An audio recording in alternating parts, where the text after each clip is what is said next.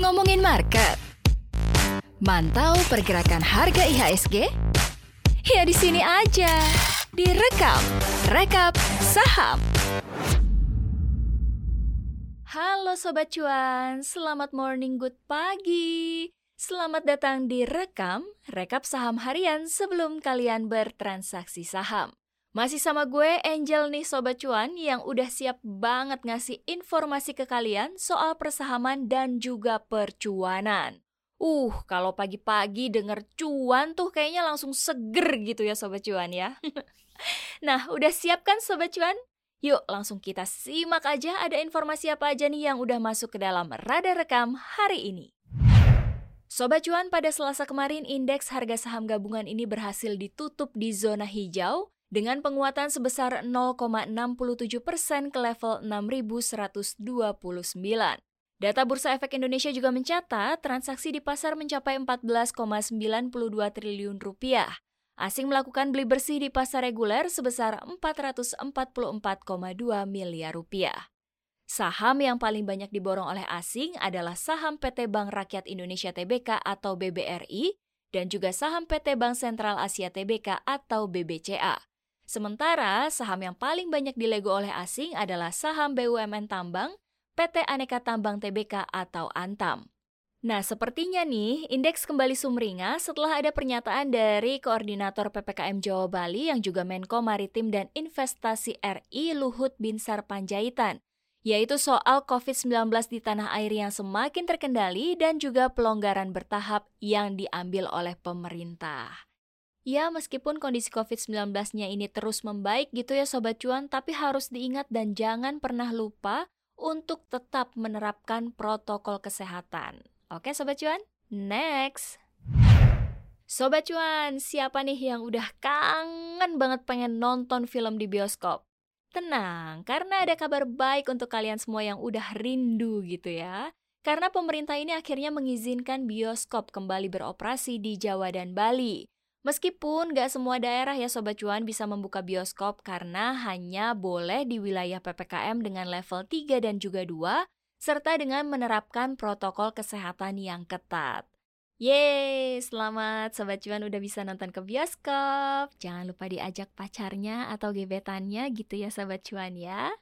Nah, tapi Sobat Cuan, kalau dilihat lagi nih, meskipun sudah diperbolehkan untuk kembali beroperasi, tapi sayangnya pergerakan harga saham pengelolanya ini justru berbanding terbalik gitu Sobat Cuan. Emiten dua pengelola bioskop ini justru mengalami koreksi. Di penutupan perdagangan Selasa kemarin, saham pengelola bioskop CGV dan juga penyedia makanan dan minuman PT Graha Layar Prima Tbk atau Blitz ini justru mengalami anjlok sebanyak 6,21 persen di level 3.170. Sementara itu, emiten produsen film PT MD Pictures Tbk atau Film ini terpantau juga ikut terkoreksi. Saham film ini terkoreksi 3,26 persen di level 356. Ya, meskipun masih belum berdampak nih ya terhadap saham para pengelolanya, tapi paling nggak ada harapan gitu ya Sobat Cuan kalau ekonomi Indonesia ini bisa pulih dan juga tumbuh. Next! Emiten konstruksi BUMN PT Waskita Karya Tbk atau WSKT ini menyiapkan dana sebesar 1,66 triliun rupiah untuk melunasi obligasi korporasi yang diterbitkan perseroan dan akan jatuh tempo di bulan September ini. Dalam keterbukaan informasi di laman Bursa Efek Indonesia, Supervisor Corporate Secretary Waskita Karya Ratna Ningrum menyampaikan, perseroan ini akan melunasi pembayaran pokok obligasi berkelanjutan 3 Waskita Karya tahap 3 tahun 2018 seri A senilai 761 miliar rupiah yang akan jatuh tempo pada 28 September 2021. Selanjutnya, obligasi berkelanjutan 2 Waskita Karya tahap 2 tahun 2016 seri B dengan pokok 900 miliar rupiah yang jatuh tempo pada tanggal yang sama. Sebagai informasi nih Sobat Cuan, Waskita membukukan laba bersih periode berjalan sebesar 33,4 miliar rupiah pada semester pertama di tahun ini. Namun, pada perdagangan Selasa kemarin, saham Waskita ditutup turun 0,60 persen di level 830 rupiah per saham, dengan nilai transaksi 38,49 miliar rupiah. Jadi kalau dilihat dalam sepekan terakhir ini saham Waskita ini turun 7% Dan dalam sebulan ini naiknya tipis hanya 3,11 persen dengan kapitalisasi pasar 11,27 triliun rupiah. Gimana nih Sobat Cuan, ada yang udah punya sahamnya?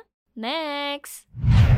Grup Lipo akhirnya buka suara nih Sobat Cuan terkait rencana divestasi Grup Lipo di saham Linknet atau Link ke XL Aksiata. CEO PT Lipo Karawaci Tbk John Riyadi mengatakan, belum ada kata sepakat dari rencana pengalihan saham link milik Lipo ke XL Aksiata.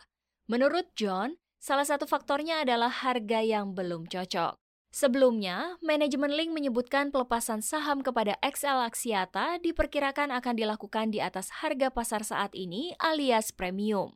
Awalnya nih Sobat Cuan, transaksi jual beli saham ini kan ditargetkan rampung sebelum akhir Agustus ya. Tapi ini udah September masih belum rampung juga ya.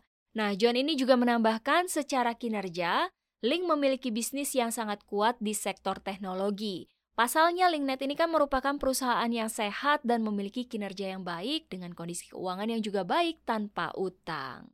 Terlebih dengan kondisi pandemi COVID-19 yang saat ini masih berlanjut nih, perusahaan juga akan mengalami kelebihan kapasitas untuk permintaan data. Jadi, opsi grup Lipo untuk keluar atau bahkan menambah kepemilikan ini nih masih terbuka luas gitu ya Sobat Cuan ya.